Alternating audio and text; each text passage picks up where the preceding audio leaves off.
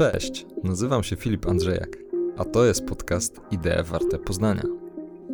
Idee Warte Poznania to podcast dla osób ciekawych świata, które interesuje jak działa człowiek, gospodarka i społeczeństwo. To podany w przystępnej formie obraz otaczającej nas rzeczywistości, widziany oczami myślicieli, naukowców, badaczy oraz ekspertów z różnych dziedzin wiedzy.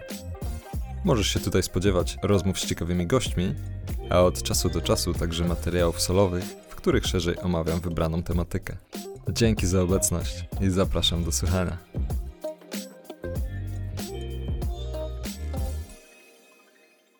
Do dzisiejszej rozmowy zaprosiłem Wiktorię Leszczyńską, studentkę dziennikarstwa na Wydziale Nauk Politycznych i Dziennikarstwa Uniwersytetu imienia Adama Mickiewicza w Poznaniu.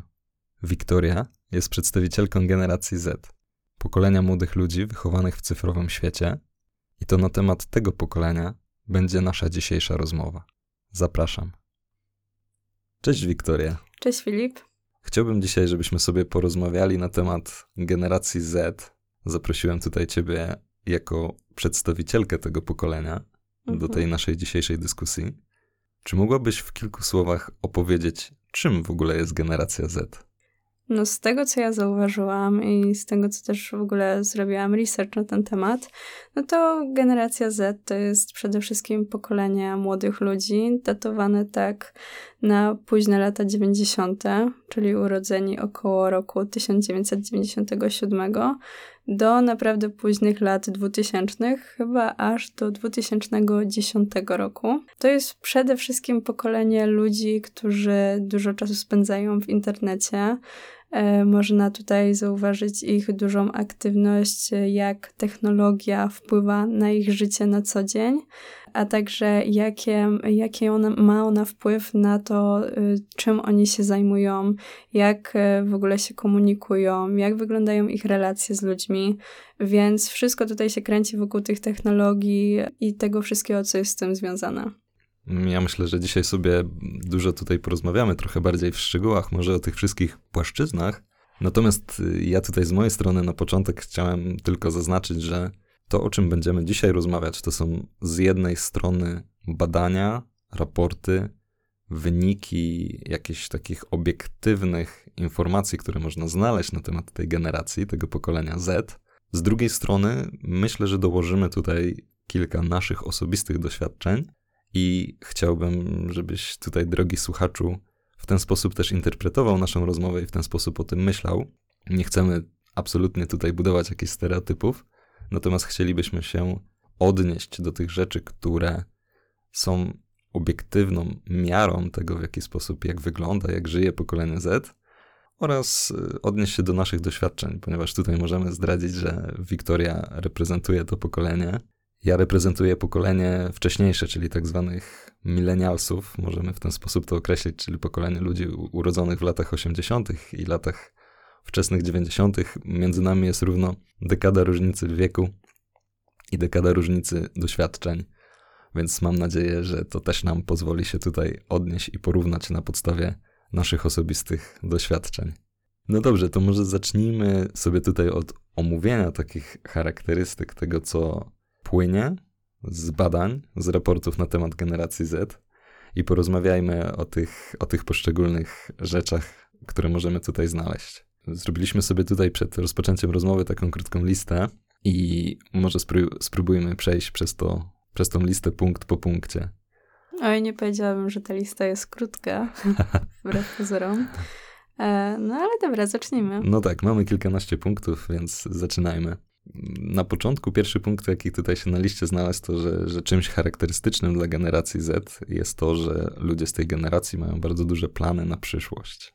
Oj, zdecydowanie tak. Tu się z tym zgodzę już na samym początku, e, bo po prostu widzę to po sobie.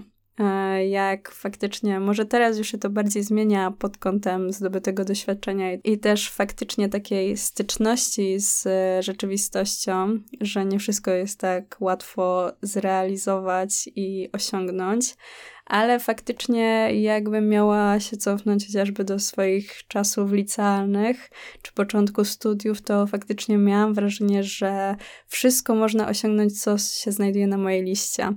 I te plany były faktycznie ogromne Dzisiaj myślę, że już przechodzę na taki bardziej minimalizm, że też już dochodzę do wniosku, z czego jestem bardziej zadowolona, co bym chciała osiągnąć i już gdzieś tam się nie skupiam, w jakim to będzie zakresie, czy dla kogoś to będzie coś dużego.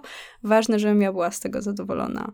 Jakby też myślę, że te wielkie plany na przyszłość wynikają z tego, że pokolenie Z bardzo dużo skupia się na tym, co myślą o nich inni ludzie. Mhm. Jak są postrzegani przez innych, co oni o nich myślą w takim kontekście, że jak wyglądają ich osiągnięcia dla nich, wiedza, czy się na czymś znają, czy się na czymś nie znają, czy są w, w czymś dobrzy, czy też nie. No i faktycznie ja też bardzo dużo czasu się tak trochę nad tym zastanawiałam, jak wypadam w oczach innych ludzi, że co oni sobie pomyślą, jeżeli nie wiem, nie uda mi się zrealizować czegoś, o czym, o czym mówiłam. E, no czyli, i... czyli z jednej strony mamy tutaj taką wysoką, wysoki poziom ambicji, z drugiej strony może trochę taką presję społeczną, czy też właśnie oczekiwanie tego, jak inni ludzie będą oceniać Twoje osiągnięcia. Tak, zdecydowanie tak. Tym bardziej, że e, Myślę, że pokolenie Z to jest też takie pokolenie, kiedy ono trochę wychodzi poza ramy tego, co chcieliby robić w życiu. Czyli nie satysfakcjonują ich takie, nie wiem, standardowe zawody. Mhm. Na przykład jakieś tam księgowy, czy zajmowanie się jakąś administracją. Takie rzeczy ich gdzieś tam nie do końca, mam wrażenie, satysfakcjonują. Tylko jeżeli już chcą coś robić, to zazwyczaj coś bardziej kreatywnego, może taką branżą kreatywną się zajmować. No i właśnie to z tego wynika, że kurczę, bardzo ciężko jest się przebić w tej branży, bez względu na to, czym, czym chcesz się zajmować. E, no i faktycznie to się potem odbija na tym, na tych ich osiągnięciach, czy faktycznie oni to realizują, czy nie. I niektórzy sobie z tym radzą w taki sposób, że faktycznie nie przejmują się tym, tylko dochodzą do wniosku, ok, to już jest koniec, daję sobie spokój, dla mnie to jest satysfakcjonujące. No a inni, myślę, że te młodsze roczniki jeszcze tego pokolenia Z, to one chyba trochę gorzej, mam wrażenie, że to przyjmują. Gorzej się z tym godzą. Mhm. Znaczy, to też może po części być coś uniwersalnego, no bo zawsze myślę, że będąc młodym, ma się duże ambicje, czy duże plany, czy jakieś wyobrażenia na temat świata. Później przychodzi ten czas, kiedy trzeba się skonfrontować z rzeczywistością, no i często skorygować swoje ambicje czy plany. Ale to przychodzi z doświadczeniem, to przychodzi z wiekiem pewnie i z interakcjami. Co dalej? Wspomniałaś już o technologii i myślę, że to będzie taki faktycznie chyba ważny punkt tutaj, no bo wszyscy zdajemy sobie sprawę z tego, że przez ostatnie lata, przez ostatnie kilkanaście lat postęp technologiczny nastąpił gigantyczny i też ilość technologii, ilość urządzeń multimedialnych, która nas otacza i uczestniczy w naszym codziennym życiu jest ogromna. Jaki to ma wpływ na generację Z, na tych młodych ludzi? Technologia ma na to pokolenie zdecydowanie bardzo duży wpływ. Można zacząć chociażby od tego, że tworzy się nowe słownictwo, Mhm. Czy tego chcemy, czy też nie, ale mm, no ja jestem teoretycznie przedstawicielką tego pokolenia y, Z i zdaję sobie z tego sprawę, że łapię się w tych, tym okresie czasowym. E, jednak czasem faktycznie sama jestem zaskoczona, jak nie śledzę trendów i się nagle okazuje, że wychodzi jakiś nowy slang taki właśnie oparty typowo o technologię, typowo o internet, jakieś skróty, tak, posługiwanie się nim na czatach. I kurczę, wielokrotnie mi się zdarzyło wygooglować to, o nawet chociażby takie słowo wygooglować. Myślę, że mhm. nikt wcześniej by nie posłużył się takim słowem, tylko by powiedział, poszukam w internecie. I to jest właśnie to, że my tworzymy swoje, swoje nowe słownictwo i e, faktycznie niektórym trzeba to tłumaczyć, że co to w ogóle znaczy. Ja faktycznie też się często łapię na tym, że jak, nie wiem, znajdę jakiś skrót, to się zastanawiam, o co w ogóle w tym chodzi. I faktycznie najpierw sięgam po internet, sprawdzam i mówię, aha, to jest to. Ale no faktycznie ten postęp, jeżeli chodzi o słownik, to jest faktycznie niesamowity. Trzeba być gdzieś tam w tym na bieżąco, bo naprawdę czasem bardzo łatwo stracić w ogóle świadomość, o co tym chodzi wszystkim. No i ja jak sobie przypominam swoje doświadczenia jeszcze chociażby właśnie z czasów szkoły podstawowej, gimnazjum czy tutaj liceum, no to też było tak, że powstawał pewnego rodzaju slang, którym się posługiwano. No i trzeba było pozostawać na bieżąco, żeby rozumieć, o czym się rozmowy toczą. Było często tak, że jeżeli ktoś starszy dołączył, tak, to mógł zupełnie nie rozumieć, może rozumieć słowa, ale zupełnie nie rozumieć kontekstu. Myślę, że to jest uniwersalne, ale chyba tutaj może zadziałać coś takiego, jak to, że technologia zwiększa skalowalność, zwiększa skalę tego wszystkiego i przyspiesza te procesy, ponieważ kiedyś powiedziałbym, że te slangi, czy jakieś takie właśnie określenia były bardziej lokalne, tak? Nie wiem, przy, przynależne do danej klasy, grupy, szkoły. Natomiast teraz może, mogą się one rozprzestrzenić na całą społeczność, ze względu na to, że jeżeli są używane w internecie, no to wtedy wszyscy muszą za tym nadążyć, tak? I, mhm. i, i zwiększa się skala. To jest coś, co, na co internet wpływa i technologia wpływa na wielu płaszczyznach, na to, że wszystko jest bardziej dostępne i może być e, bardziej wyskalowane. Mhm, zdecydowanie tak. A nawiązując jeszcze do technologii, do tego tematu technologicznego, to czy ty pamiętasz życie bez technologii, bez internetu jeszcze takie czasy? Wiesz co, co prawda już słabo, bo to był okres szkoły podstawowej, kiedy ten internet już faktycznie był albo właśnie się pojawiał w większości domów, że tutaj czy u koleżanek już właśnie widziałam, jak te komputery y, tutaj zaczynają po prostu się pojawiać. I faktycznie może nie jest to jakiś taki bardzo długi okres czasu, kiedy pamiętam to, że, że faktycznie tego internetu nie było. Aczkolwiek pamiętam te czasy, kiedy na przykład miało się telefony, to jeszcze nie były smartfony i mhm. jak mama czy w ogóle ktokolwiek dawał ci swój telefon i ty przez przypadek kliknąłeś tę ikonkę internetu, tak, i to był taki duży stres, dlatego że to ściągało od razu maksymalnie dużo środków z konta. Jeszcze to nie były takie czasy, kiedy ktoś miał abonament na telefon i się tym nie przejmował, że ma nielimitowany dostęp do internetu. Tylko fakt, że to było bardzo stresujące, że przez przypadek się chciało coś innego nacisnąć.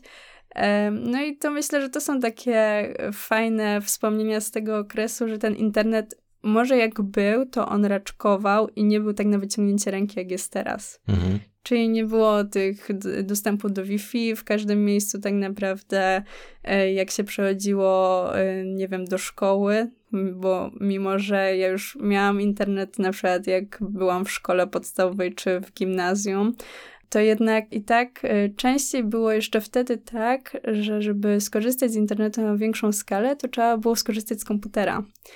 A już potem faktycznie gimnazjum, późne gimnazjum, już e, początek liceum, to już faktycznie było tak, że wszyscy już te smartfony i faktycznie już nikt w sumie nie potrzebował komputera, że często słyszałam takie po prostu nawet takie głosy, że oni nie potrzebują komputera, bo oni mają wszystko w telefonie. Mhm. I często się zdarza tak, że oni nawet całe dnie w ogóle nie wchodzą do tego komputera, bo nie mają po prostu potrzeby, bo mogą sobie sprawdzić Facebooka, mogą sobie sprawdzić wiadomości ze świata, wszystko mają, co potrzeba w kieszeni.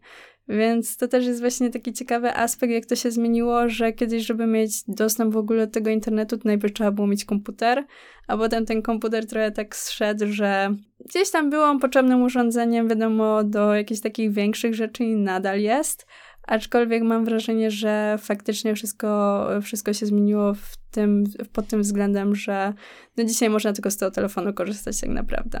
Mhm. Wspominasz tutaj o telefonie. Ja mogę powiedzieć, że tak z mojej perspektywy, nie wiem to też na ile to jest perspektywa też tego, że wychowywałem się w mniejszej miejscowości, nie w dużym mieście. Natomiast ja pamiętam jeszcze takie czasy, kiedy w całej miejscowości, w której mieszkałem, były tylko trzy aparaty telefoniczne. Także to, to była już zupełnie inna perspektywa. Wtedy trzeba było przejść się do biblioteki do takiego specjalnego punktu, żeby skorzystać z telefonu stacjonarnego. Dopiero później, później e, przychodziły komputery, dopiero później przychodził internet. I jeszcze to były taki, takie czasy, kiedy o to trzeba było walczyć. Pamiętam w naszej miejscowości, ze względu na to, że no, to była mała miejscowość, y, operatorzy nie byli zbyt zainteresowani instalowaniem tam sieci internetowej z tego względu, że koszty dosyć duże do prowadzenia infrastruktury, natomiast klientów no nie aż tak dużo, bardziej się opłacało zacząć od większych miejscowości. To ja pamiętam takie czasy, kiedy były zawiązywane grupy lokalne, które lobbowały na tym, pisały listy, pisały wnioski do tych firm telekomunikacyjnych po to, żeby uzyskać internet. Wiesz co, to mm, teraz mi tak przypomniałeś, kilka dni temu moja mama mi się zapytała, Że wyciągnęła moje zdjęcia z dzieciństwa i mm, na tych zdjęciach, tak, ja jestem z dużego miasta i to jest też ta różnica, że faktycznie ja nie pamiętam tego, jak to było, nie wiem, nie mieć telefonu stacjonarnego, tak, czy ten internet wszedł w moje życie wtedy, kiedy musiał on wejść, czyli w takim odpowiednim momencie, gdzie już wszystko faktycznie się zaczynało w tym internecie pojawiać.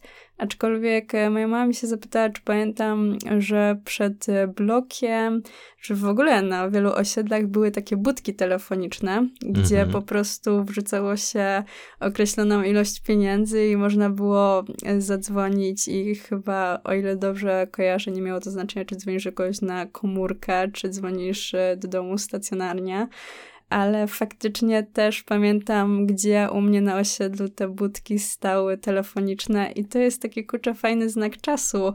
Po prostu miło się to tak wspomina, mimo że nie korzystałam z tego nigdy ja osobiście, to faktycznie pamiętam tych ludzi, którzy stali przy tych budkach i z nich korzystali. No i dzisiaj jak się tak patrzy, że nie wiem, chyba na dworcu, o ile dobrze kojarzę, jest jedna czy dwie takie, taka budka telefoniczna, gdzie można zadzwonić, ale to już też nie jestem pewna. Wiem, że jeszcze niedawno była. Dokładnie, znaczy z mojej perspektywy budki telefoniczne to już było takie dość e, duże osiągnięcie technologiczne, ponieważ zwiększyły ono znacznie dostęp do telefonów. Również miło to wspominam, akurat miałem okazję nieraz korzystać, także było to ciekawe doświadczenie, aczkolwiek no też patrząc po tych miejscach, gdzie kiedyś, też pamiętam miejsce w mojej miejscowości, gdzie ta budka stała, no już od kilku, jak nie kilkunastu lat jej tam po prostu nie ma. Podsumowując tutaj ten wątek, można powiedzieć, że i to jest też coś, na co wskazują badania i raporty, że duża część przedstawicieli pokolenia Z wychowywała się po prostu razem z technologią, razem z mhm. dostępem do internetu. Jest to dla nich zupełnie naturalne środowisko i tak naprawdę nie wyobrażają sobie życia w innych warunkach i bez tego. Mhm. Chciałbym, żebyśmy teraz porozmawiali, bo tu jest kilka takich wątków, które odnoszą się w pewien sposób do tego, czyli jakie to może mieć konsekwencje. Z jednej strony mamy tutaj na liście to, że, że te osoby czerpią chociażby swoją wiedzę głównie z internetu i są nastawieni na szybkie wyszukiwanie informacji. Jak to, jak to jest, jak to wygląda? Oj, tak, zdecydowanie jest tak, że może to jest też taki znak moich czasów, tutaj właśnie tego pokolenia Z, że u nas bardzo wiele rzeczy dzieje się w biegu. Mhm. Bo nie wiem, jak patrzę, y, jak słucham wspomnień na przykład mojej mamy ze swoich tak, tutaj takiego okresu e, życia, jak na przykład wiek 20 lat, no to mam wrażenie, że y, zarówno u niej, jak i u jej znajomych y, nie było takiego pośpiechu za wszystkim. Nie, nie, nie ciążyła na nich taka presja, że muszą coś tak szybko robić. A mam wrażenie, że jak patrzę na swoich znajomych, i też na siebie samą, że my po prostu tak bardzo się przejmujemy tym, jak może wyglądać nasze życie na przykład po studiach, że my w tym momencie staramy się łapać jak najwięcej możliwości. I to potem właśnie się przekłada na to, że my nie mamy czasu tak naprawdę, nie wiem, skorzystać, e, bardziej się w coś zagłębić, tak, więcej czasu na coś poświęcić, tylko jak coś potrzebujemy wiedzieć, to szybko bierzemy telefon i sprawdzamy tu i teraz. I myślę, że to jest przede wszystkim ta kwestia, że faktycznie ten internet jest naszym źródłem numer jeden, ale to też jest, że my po prostu wszystko robimy szybko, bo no niestety przyszło nam żyć w takich czasach, gdzie wszystko dzieje się szybko. Wszystko się zmienia też dynamicznie. No też spójrzmy na to, jaki na przykład kiedyś był dostęp do informacji. Myślę, że te informacje nie pojawiały się tyle razy dziennie, co teraz, tak? Nie mieliśmy do czynienia na przykład z fake newsami my w tym momencie jesteśmy otoczeni nie dość, że źródłem naprawdę wielu informacji, mamy w ogóle wiele tych źródeł, zacznijmy od tego, mhm. od mediów społecznościowych różnych, poprzez wiele portali informacyjnych, do tego nadgonić telewizję, radio, prasę, to wychodzi to już naprawdę taki, taki spory zastrzyk informacji. No i faktycznie my szukamy po prostu gdzieś tam tych najbardziej rzetelnych myślę, że też w ogóle wybranie z tych informacji, to co jest faktycznie obiektywne, gdzieś tam prawdziwe, bezstronne, to też jest dość duże, dość duże wyzwanie i... No e, właśnie tutaj chciałem też podpytać o tą kwestię, bo wydaje mi się, że tutaj dużym problemem może być właśnie nauka, już nie tylko dotycząca tego pokolenia, ale ogólnie do wszystkich ludzi, którzy teraz korzystają z mediów czy mają styczność z internetem, czyli nauka takiego odsiania tego, co faktycznie wartościowe, od tego, co niewartościowe, od tego, żeby zweryfikować wiarygodność pewnych źródeł treści. Czy to jest coś, co to młode pokolenie potrafi wykonać, czy może też w ogóle odnieśmy się też na chwilę, czy szkoła pomaga w jakiś sposób, czy, czy nie bardzo? Jak to obecnie wygląda? Wiesz co, no ja studiując taki kierunek jak dziennikarstwo, to faktycznie bardzo dużo dzieje się wokół tej informacji. Ciągle jest nam zwracana uwaga na to, żebyśmy my faktycznie starali się szukać tych informacji w taki sposób, że jedno źródło czy jedno medium nie jest nam w stanie zapewnić obiektywizmu. I my o tym wiemy, że jeżeli się nastawiamy tylko na telewizję, czy tylko na radio, czy tylko na prasę, czy tylko na internet, to nie ma możliwości, żebyśmy dokładnie sprawdzili, które informacje są w rzeczywistości prawdziwe, a które nie. I czy szkoła w tym pomaga? Mm, myślę, że nie do końca.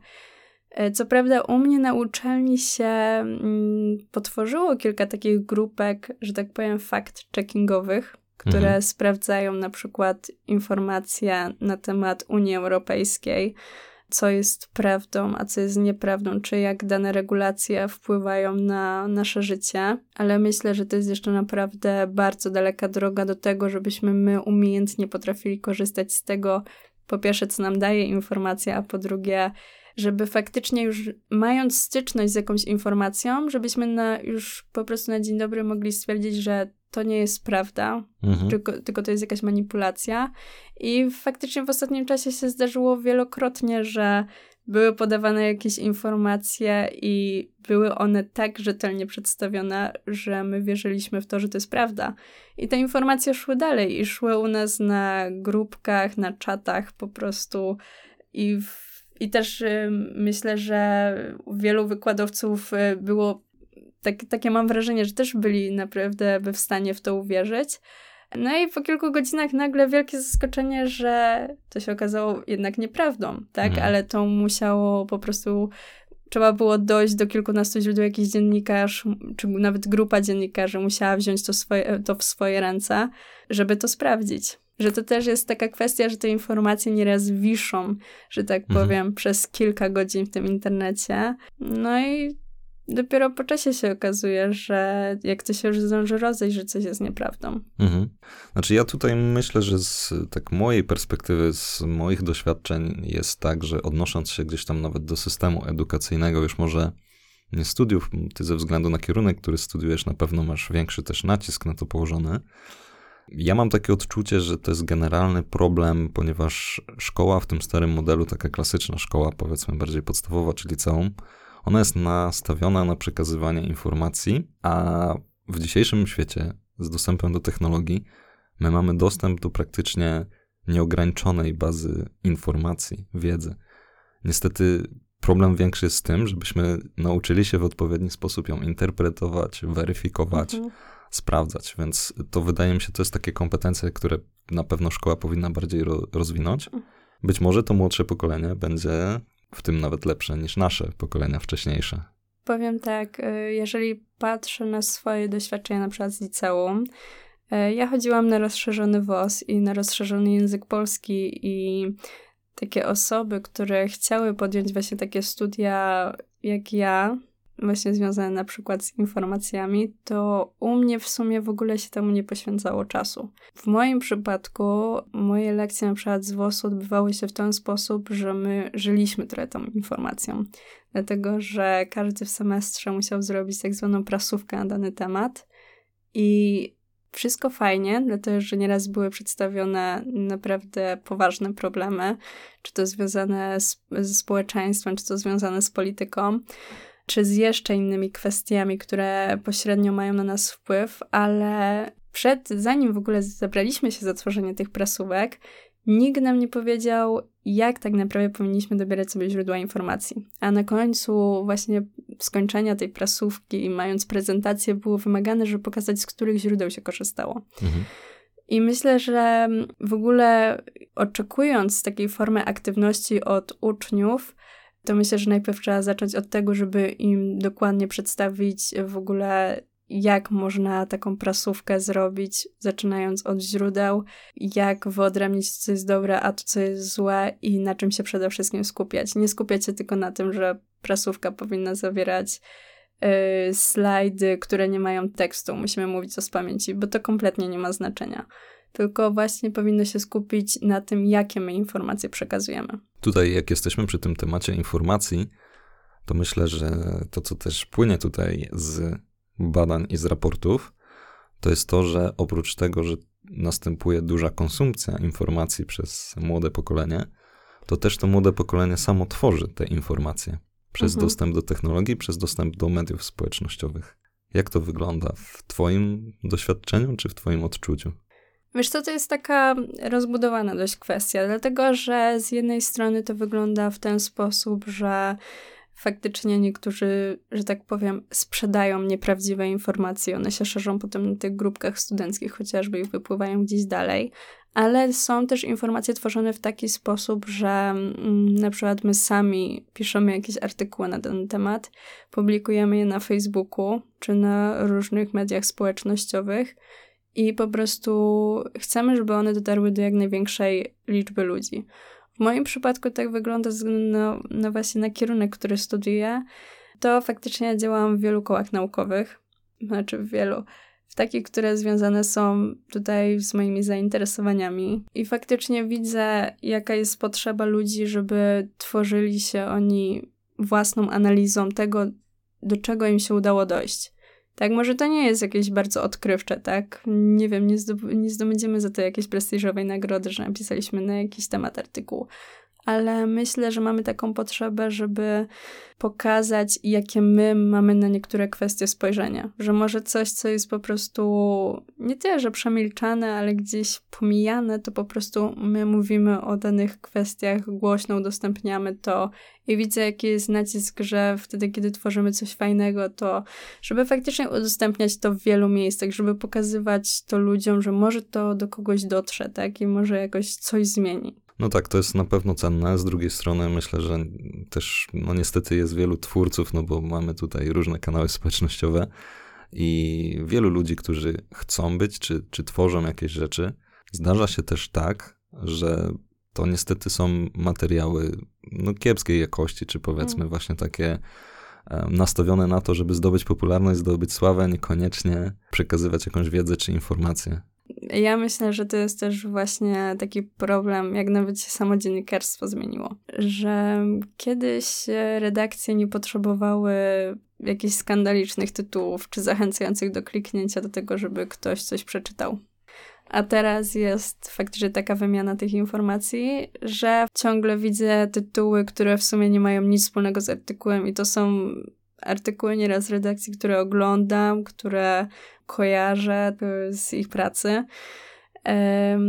No a jeżeli chodzi też o te przekazy właśnie takie, które się tworzy tylko, żeby zdobyć popularność, przede wszystkim youtuberzy. Ja akurat nie śledzę zbytnio tego tematu, bo przeraża mnie fakt, że e, właśnie tytuł, czy tworzenie specjalnie jakiejś kampanii, zdjęć, które w ogóle nie mają się w żaden sposób do rzeczywistości, to mnie po prostu trochę przeraża i staram się tego jak najbardziej unikać i w ogóle tego nie śledzę. No to niestety jest tak, że tutaj informacja, przez to, że jest jej tak dużo, to konkuruje o naszą uwagę, a prawda jest taka, że w naszym funkcjonowaniu, czy w tym, jak działa nasz mózg, to te informacje, które są wyraziste, skandaliczne, szokujące, wywołują u nas większą reakcję, tak? Bardziej nas zachęcają do tego, żeby kliknąć, żeby zwrócić uwagę. Ciężej się przebić z treścią taką stricte wyważoną czy merytoryczną. Tak? To jest chyba problem szeroki e, i dużo by o tym można było rozmawiać. To może zmieńmy teraz troszeczkę temat i porozmawiajmy o relacjach.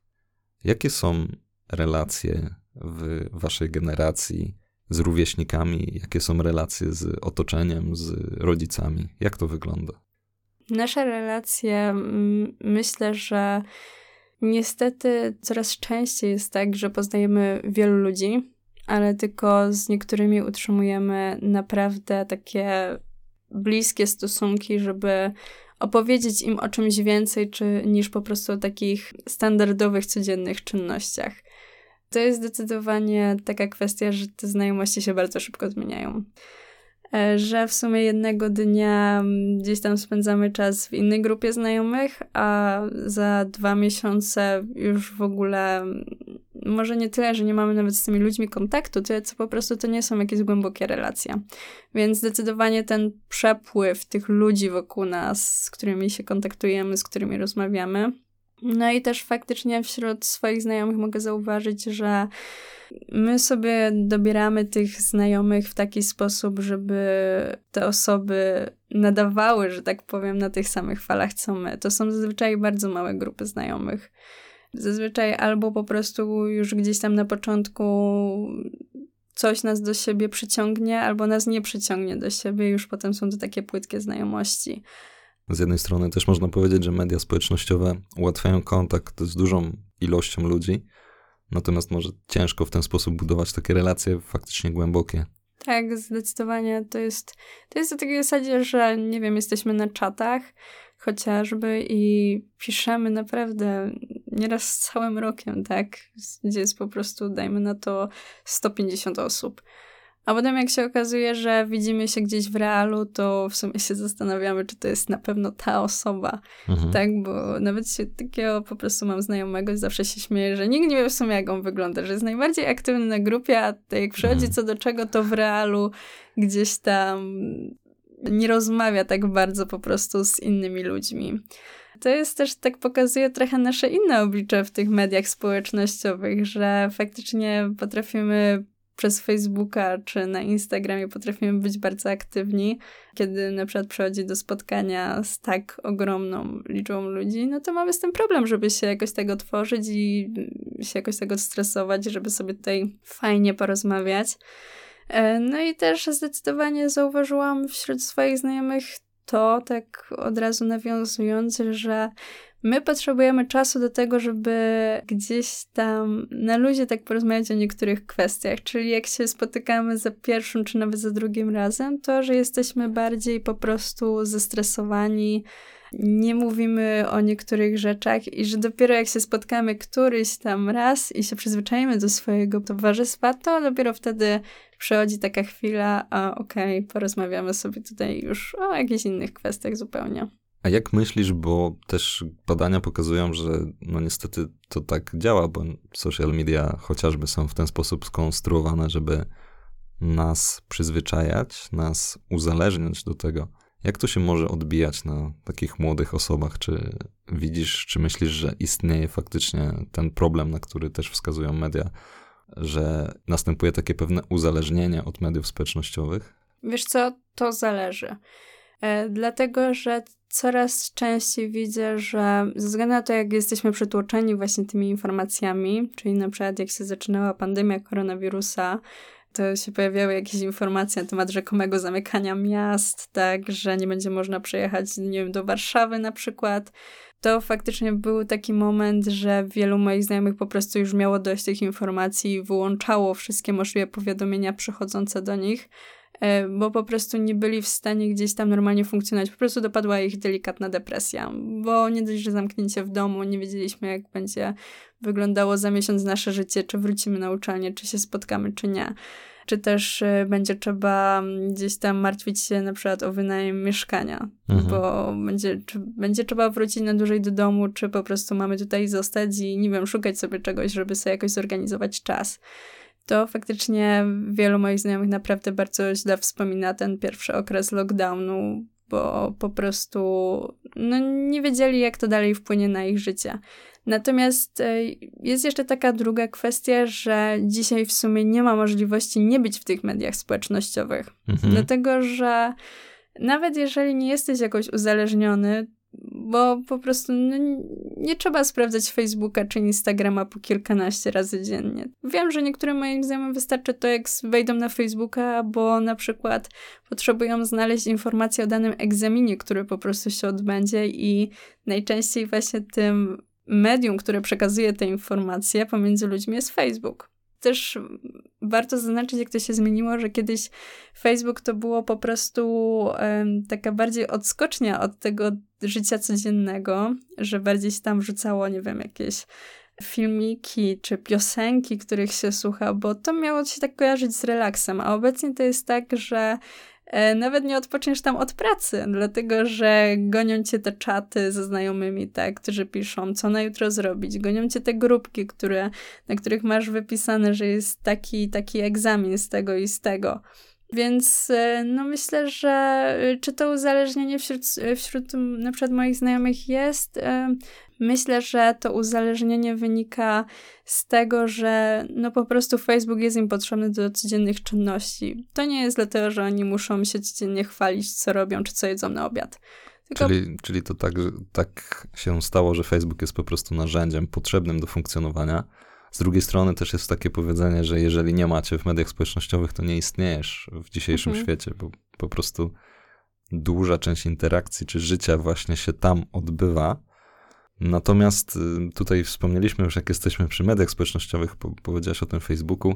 Takim fenomenem ostatnim, nie wiem czy masz tutaj doświadczenia, jest chociażby portal nazywający się TikTokiem. Zupełnie inny format, krótkie wideo.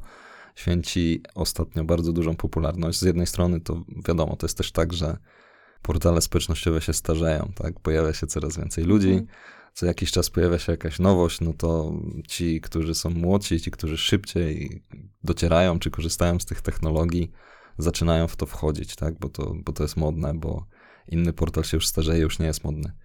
Czy ty masz doświadczenia z tym portalem? Jak to widzisz też, jeżeli chodzi o, o to funkcjonowanie generacji Z? Powiem ci tak, kompletnie nie wiem o co chodzi z tym portalem. Jakby rozumiem ten fenomen, gdzieś tam widzę te filmiki, nagrywanie tych różnych rzeczy do piosenek, czy podkładanie głosu. Aczkolwiek e, sama nie miałam nigdy zainstalowanego TikToka na swoim telefonie. Korzystałam tylko przez chwilę u swojej przyjaciółki, która też nie korzysta z tego w taki sposób, że nagrywa coś i montuje, tylko po prostu obserwuje niektórych twórców e, właśnie poprzez, no, żeby obserwować po prostu ich, to konieczne jest zalogowanie się ale widzę, że jeżeli faktycznie mm, też e, moi znajomi na przykład korzystają z tego, to bardziej tak incognito, bardziej żeby przejrzeć i zobaczyć o co w tym wszystkim chodzi. Ja osobiście nie miałam styczności i przyznam szczerze, że nie zamierzam tego zmieniać, dlatego że nie jest mi to potrzebne do życia i mimo, że coraz częściej widzę, że TikTok pokazuje jakieś e, naprawdę ciekawe takie case'y marketingowe, jak się zmieniły chociażby media społecznościowe i jak można się komunikować w internecie, to nie wyobrażam sobie, żeby to było źródło przekazywania rzetelnych informacji. Chociaż faktycznie kilka filmików e, dzięki temu TikTokowi przeszło poza ramy naszego kraju. Tak mhm. na przykład chociażby ostatnie protesty dotyczące mediów to po prostu ludzie nagrywali, co się dzieje w Polsce, tak, te czarne ekrany telewizorów czy portali internetowych i opisywali sprawę.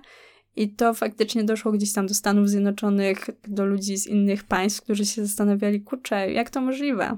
Czyli te, te portale mają bardzo dużą moc, tak? Ja, mhm.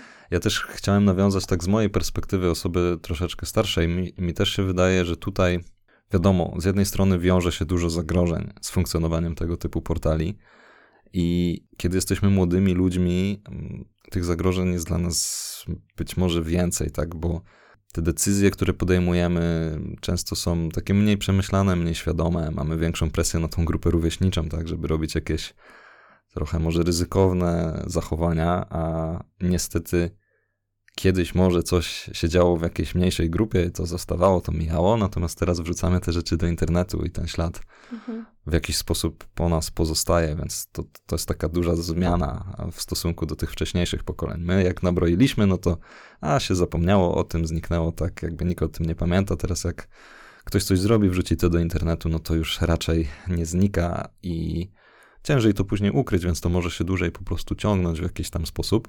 Ale z drugiej strony ja też myślę, że tu jest dużo takich pozytywnych rzeczy, to znaczy technologia bardzo mocno się rozwinęła i ona generuje też bardzo wiele możliwości, które nawet, nie wiem, 10-15 lat temu dla mnie, dla mojego pokolenia nie były dostępne, chociażby właśnie twórczości.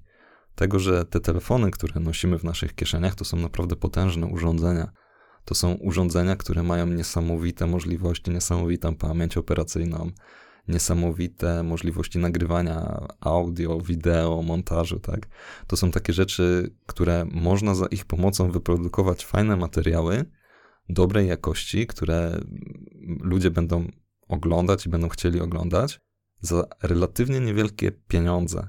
Mhm. Coś, co żeby wyprodukować, nie wiem, wideo takie wysokiej jakości, które teraz często jest produkowane na YouTubie w no, relatywnie niewielkich kosztach, no to kiedyś, żeby zrobić coś takiego, trzeba było mieć profesjonalny sprzęt, trzeba było mieć profesjonalną ekipę.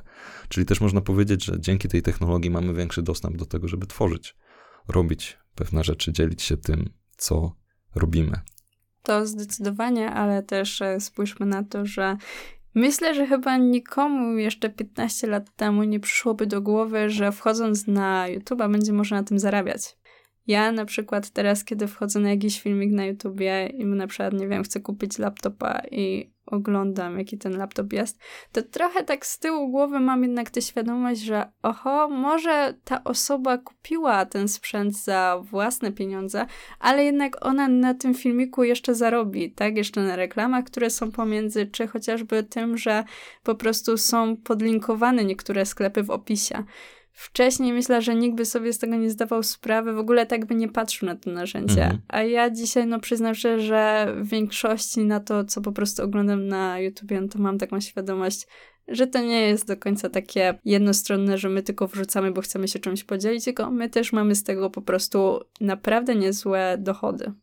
No i tutaj trzeba pewnie zawsze wziąć poprawkę właśnie na to, mając świadomość pewnych rzeczy i mechanizmów funkcjonowania, chociażby mediów, czy mediów społecznościowych, czy tak jak tutaj mówisz, tego przykładu YouTube'owego, no to też z punktu widzenia odbiorcy wtedy inaczej się to powinno odbierać, inaczej się powinno o tym myśleć. No ja też myślę, że to jest taki trend właśnie przez to, że dostępność możliwości tworzenia takich rzeczy jest łatwiejsza, jest relatywnie tańsza, to też sprawia, że ten rynek mediowy w cudzysłowie jest bardziej podzielony na mniejsze kawałki, i chociażby tacy youtuberzy, czy, czy takie jednostki, które tworzą materiały, zaczynają konkurować też z innymi mediami, ponieważ one zabierają czas, atencję użytkowników, tak? Także ta, mhm. ta konkurencja na rynku jest bardzo duża, ale już może odchodząc trochę od tych tematów związanych z mediami, z funkcjonowaniem tego typu rzeczy, portali społecznościowych, to powiedz mi, jak tutaj ty się zapatrujesz też na relacje ze starszymi pokoleniami, czy może nawet z rodzicami, bo ja wyczytałem sobie gdzieś w tych raportach, że ciekawostką jest to, że osoby z generacji Z są generalnie mniej zbuntowani w stosunku do swoich rodziców niż wcześniejsze pokolenia zazwyczaj bywały. Wiesz co, też mam takie wrażenie. Myślę, że jak czasem oglądam filmy takie, nie wiem, jeszcze sprzed właśnie 15 lat, no, pokazujące na przykład bunt nastolatków, to porównuję do siebie po prostu niektóre rzeczy i widzę, że tego nie było wtedy, kiedy ja gdzieś tam dojrzewałam, czy tego nie ma. Nie mogę się oczywiście wypowiadać za wszystkich, bo wiem, że niektórzy moi znajomi przechodzili to lepiej, inni gorzej, ale myślę, że ten błąd to już tak zdecydowanie bardziej odchodzi, na pewno jeżeli jest się na tym etapie nastoletnim. Może faktycznie jest wiele rzeczy, z którymi się z rodzicami nie zgadzamy już teraz w takim okresie, kiedy na przykład studiujemy. Mhm. Ale to nie są takie rzeczy, które miałyby zbytnio zaważyć na naszych relacjach. Też y, widzę, że niektórzy rodzice są zdecydowanie bardziej otwarci na niektóre kwestie. Czyli na przykład, nie wiem, moja mama, jeżeli chodzi o kwestie na przykład mediów społecznościowych, ja się staram co prawda, co prawda do niektórych rzeczy podchodzić bardziej racjonalnie, czyli no wiem, że nie postuję tam wszystkiego. Moi znajomi faktycznie czasem nie znają tej granicy, co wrzucać do internetu, czy mieć ten profil prywatny, czy jednak mieć publiczny, czy każdy może cię obserwować, czy tylko znajomi ale na przykład ja się pod wieloma względami, jeżeli chodzi o korzystanie z mediów społecznościowych, zgadzam, zgadzam z moją mamą. Czyli mhm. ja mam na przykład takie same ustawienia profilu na Facebooku i ona ma to bardzo podobnie zrobione że y, wielu, do wielu rzeczy faktycznie podchodzimy w ten sam sposób. Czyli to może być jeden z tych powodów tego też, że żyjemy w podobnym świecie, tak, w podobnych mediach i może ten świat, w którym żyjemy jest nam bliższy, tak, i, mhm. i też jakoś te relacje inaczej się układają. No dobrze, a już tak w ostatniej części może powoli e, będziemy zbliżać się do końca naszej rozmowy, ale w ostatniej części taki mi się wydaje dość szeroki temat, ważny temat, czyli jak ludzie z generacji Z odnajdują się na rynku pracy, bo tu jest kilka takich płaszczyzn. Z jednej strony badania pokazują, że osoby młode z tej generacji są osobami przedsiębiorczymi. Z drugiej strony mamy to, że często zmieniają pracę, czasem nie mogą odnaleźć swojego miejsca, czują jakąś taki brak satysfakcji wchodząc na rynek pracy i tak dalej, i tak dalej. Jak to tutaj wszystko wygląda w tych relacjach mhm. zawodowych, nazwijmy to w ten sposób? Powiem ci tak, e, faktycznie mam wrażenie, że my cały czas nie jesteśmy usatysfakcjonowani z tego, co osiągamy. Czyli coś, co jeszcze kilka lat temu, kiedy na przykład byliśmy w liceum, by nas w pełni zadowalało, dzisiaj nie jest tym, czego byśmy oczekiwali. Może to jest wina tych idealizmów, które zostały nam wpojone w trakcie studiów, albo coś, czego my się po prostu naoglądaliśmy w internecie, myśleliśmy, że tak będzie. Mhm. I faktycznie my cały czas szukamy tej możliwości do rozwoju, osiągania coraz e, lepszych rzeczy, tak, coraz większych celów. No i też to się wiąże z tym, że rzadko który mój znajomy, jak już otrzymuje fajną pracę, to spędza w niej więcej niż dwa lata. Mhm. Myślę, że to jest bardzo popularne, że oni mówią na przykład, ok, potrzebuję tylko tylu i tylu miesięcy, żeby na przykład już aplikować na jakieś stanowisko, które chciałbym osiągnąć. I to się faktycznie tak zmienia, że nasi rodzice raczej jak już znajdowali pracę, która była dla nich satysfakcjonująca, to mówili, okej, okay, nie muszę już niczego szukać, chyba że nadarzy się jakaś okazja, tak jak dostanę lepsze zarobki, czy nie wiem, lepsze biuro, czy lepsze godziny pracy, a tutaj się to jednak wszystko rozbija, okej, okay, to spędzę tylko kilka miesięcy i zacznę szukać czegoś innego, albo po prostu zrobię w ogóle coś sam, coś, co nie przyszłoby innym do głowy, żeby na przykład zbudować od podstaw, no to faktycznie tak to wygląda, że y, non-stop szukamy tej okazji do po prostu czegoś lepszego. Mhm. Znaczy, tutaj patrząc od strony tych rzeczy od pracodawców idących, no to często pracodawcy narzekają też, że właśnie osoby z tej generacji mają nieracjonalne oczekiwania.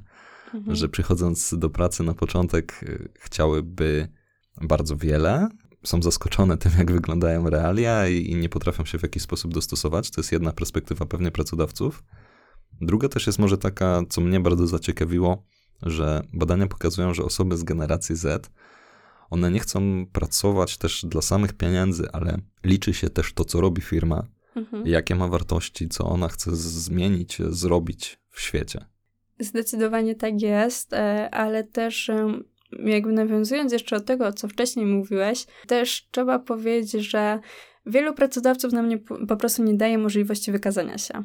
Czyli czasem są dość zabawne mm, oferty, oferty pracy, kiedy czytamy, że osoba, która chce się starać o stanowisko juniora w jakiejś firmie, to na przykład potrzeba trzyletniego doświadczenia. Mhm. A potem się okazuje, że żaden pracodawca nie chce nam dać tego doświadczenia, bo liczą, że czasem się okazuje, że nawet jak chcesz się dostać na jakiś staż, to już wymagają takich, e, to po prostu mają takie wymagania, jakbyś był normalnym pracownikiem i faktycznie w większości przypadków zdarza się tak, że stażyści wykonują normalnie taką samą pracę, co zwykły pracownik po prostu na określonej umowie. Czy faktycznie my mamy trochę za duże wymagania? Mm, myślę, że te wymagania się też zmieniły właśnie z tym postępem technologicznym. E, że my się faktycznie trochę oglądamy niektórych rzeczy. No tak, bo tutaj pewnie kwestia też właśnie chociażby wzorców tego, co widzimy, tak? No bo jak się naogląda, nie wiem, ludzi na Instagramie, no to można odnieść wrażenie, że świat tak wygląda. No pewnie mhm. no też trzeba mieć tę perspektywę, że to nie do końca tak wszystko wygląda, nie do końca tak wszystko funkcjonuje. No na przykład wielu moich znajomych słyszę, o fajnie by było pracować w PR-ze. Fajna praca, tak, dobrze płatna i w sumie nic nie trzeba robić takiego szczególnego. Siedzisz i tylko przygotowujesz strategię po prostu, nie wiem, komunikacyjną czy jakąś marketingową danej marki. Tak, ale jak się okazuje, że kiedy siadasz, to w sumie oni faktycznie nie wiedzą, od czego mają zacząć. Że najpierw trzeba zrobić gdzieś tam taki wstępny audyt w ogóle o danej firmie, żeby się czegoś o niej dowiedzieć i dopiero potem przychodzą jeszcze te inne rzeczy związane z, często z reagowaniem na wiele kwestii, na które nie mamy po prostu wpływu. No i często sobie nie zdajemy sprawy, że to nie jest tak, że każdą pracę możemy wykonywać, bo technologia nam to umożliwia na przykład. Tylko, że no potrzeba gdzieś tam lat, miesięcy. Że te oczekiwania się tutaj mogą rozbić o rzeczywistość, niestety mhm. bardzo często. No a z drugiej strony, ja myślę, że to też jest uniwersalne, że okej, okay, w dzisiejszym świecie bywa tak, że można zrobić coś i odnieść szybki, spektakularny sukces. To jest możliwe też między innymi dzięki technologii i temu, że wszystko, jak już jest sukces, to on jest bardzo często spektakularny.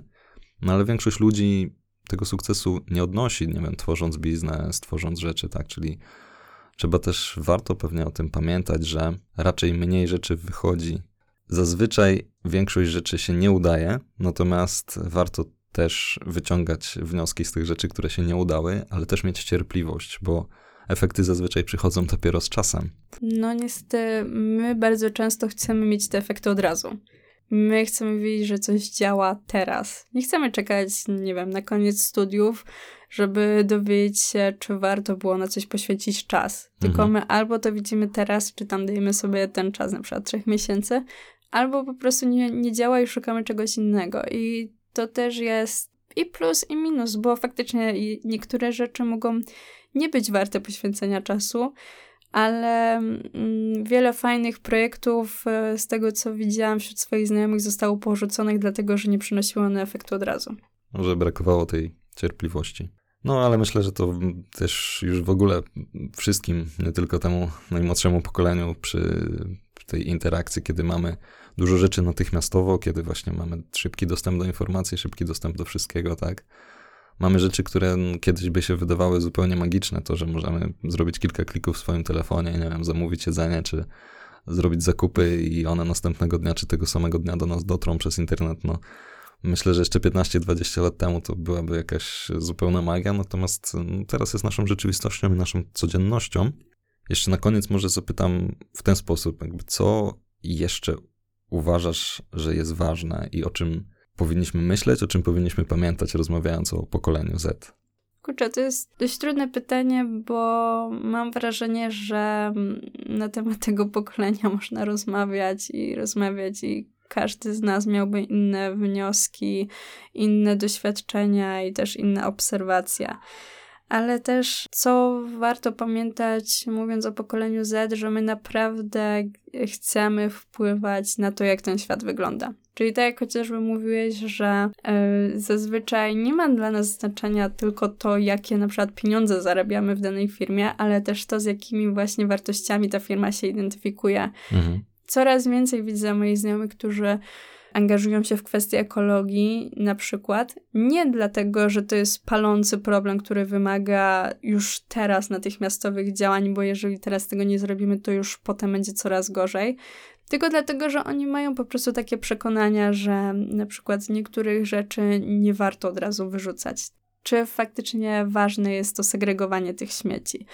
Czy y, też jak wyglądają kwestie na przykład korzystania z kosmetyków y, naturalnych, a jak z tych, które są na przykład produkowane na zwierzętach, czy są oparte w jakiś sposób o po prostu pochodzenie zwierzęca. To jest faktycznie taka kwestia, że mm, my nie chcemy już tylko robić czegoś dlatego, że przynosi nam to pieniądze, tylko my się z tym identyfikujemy, jesteśmy silni do tego przywiązani. To są nasze faktycznie wartości.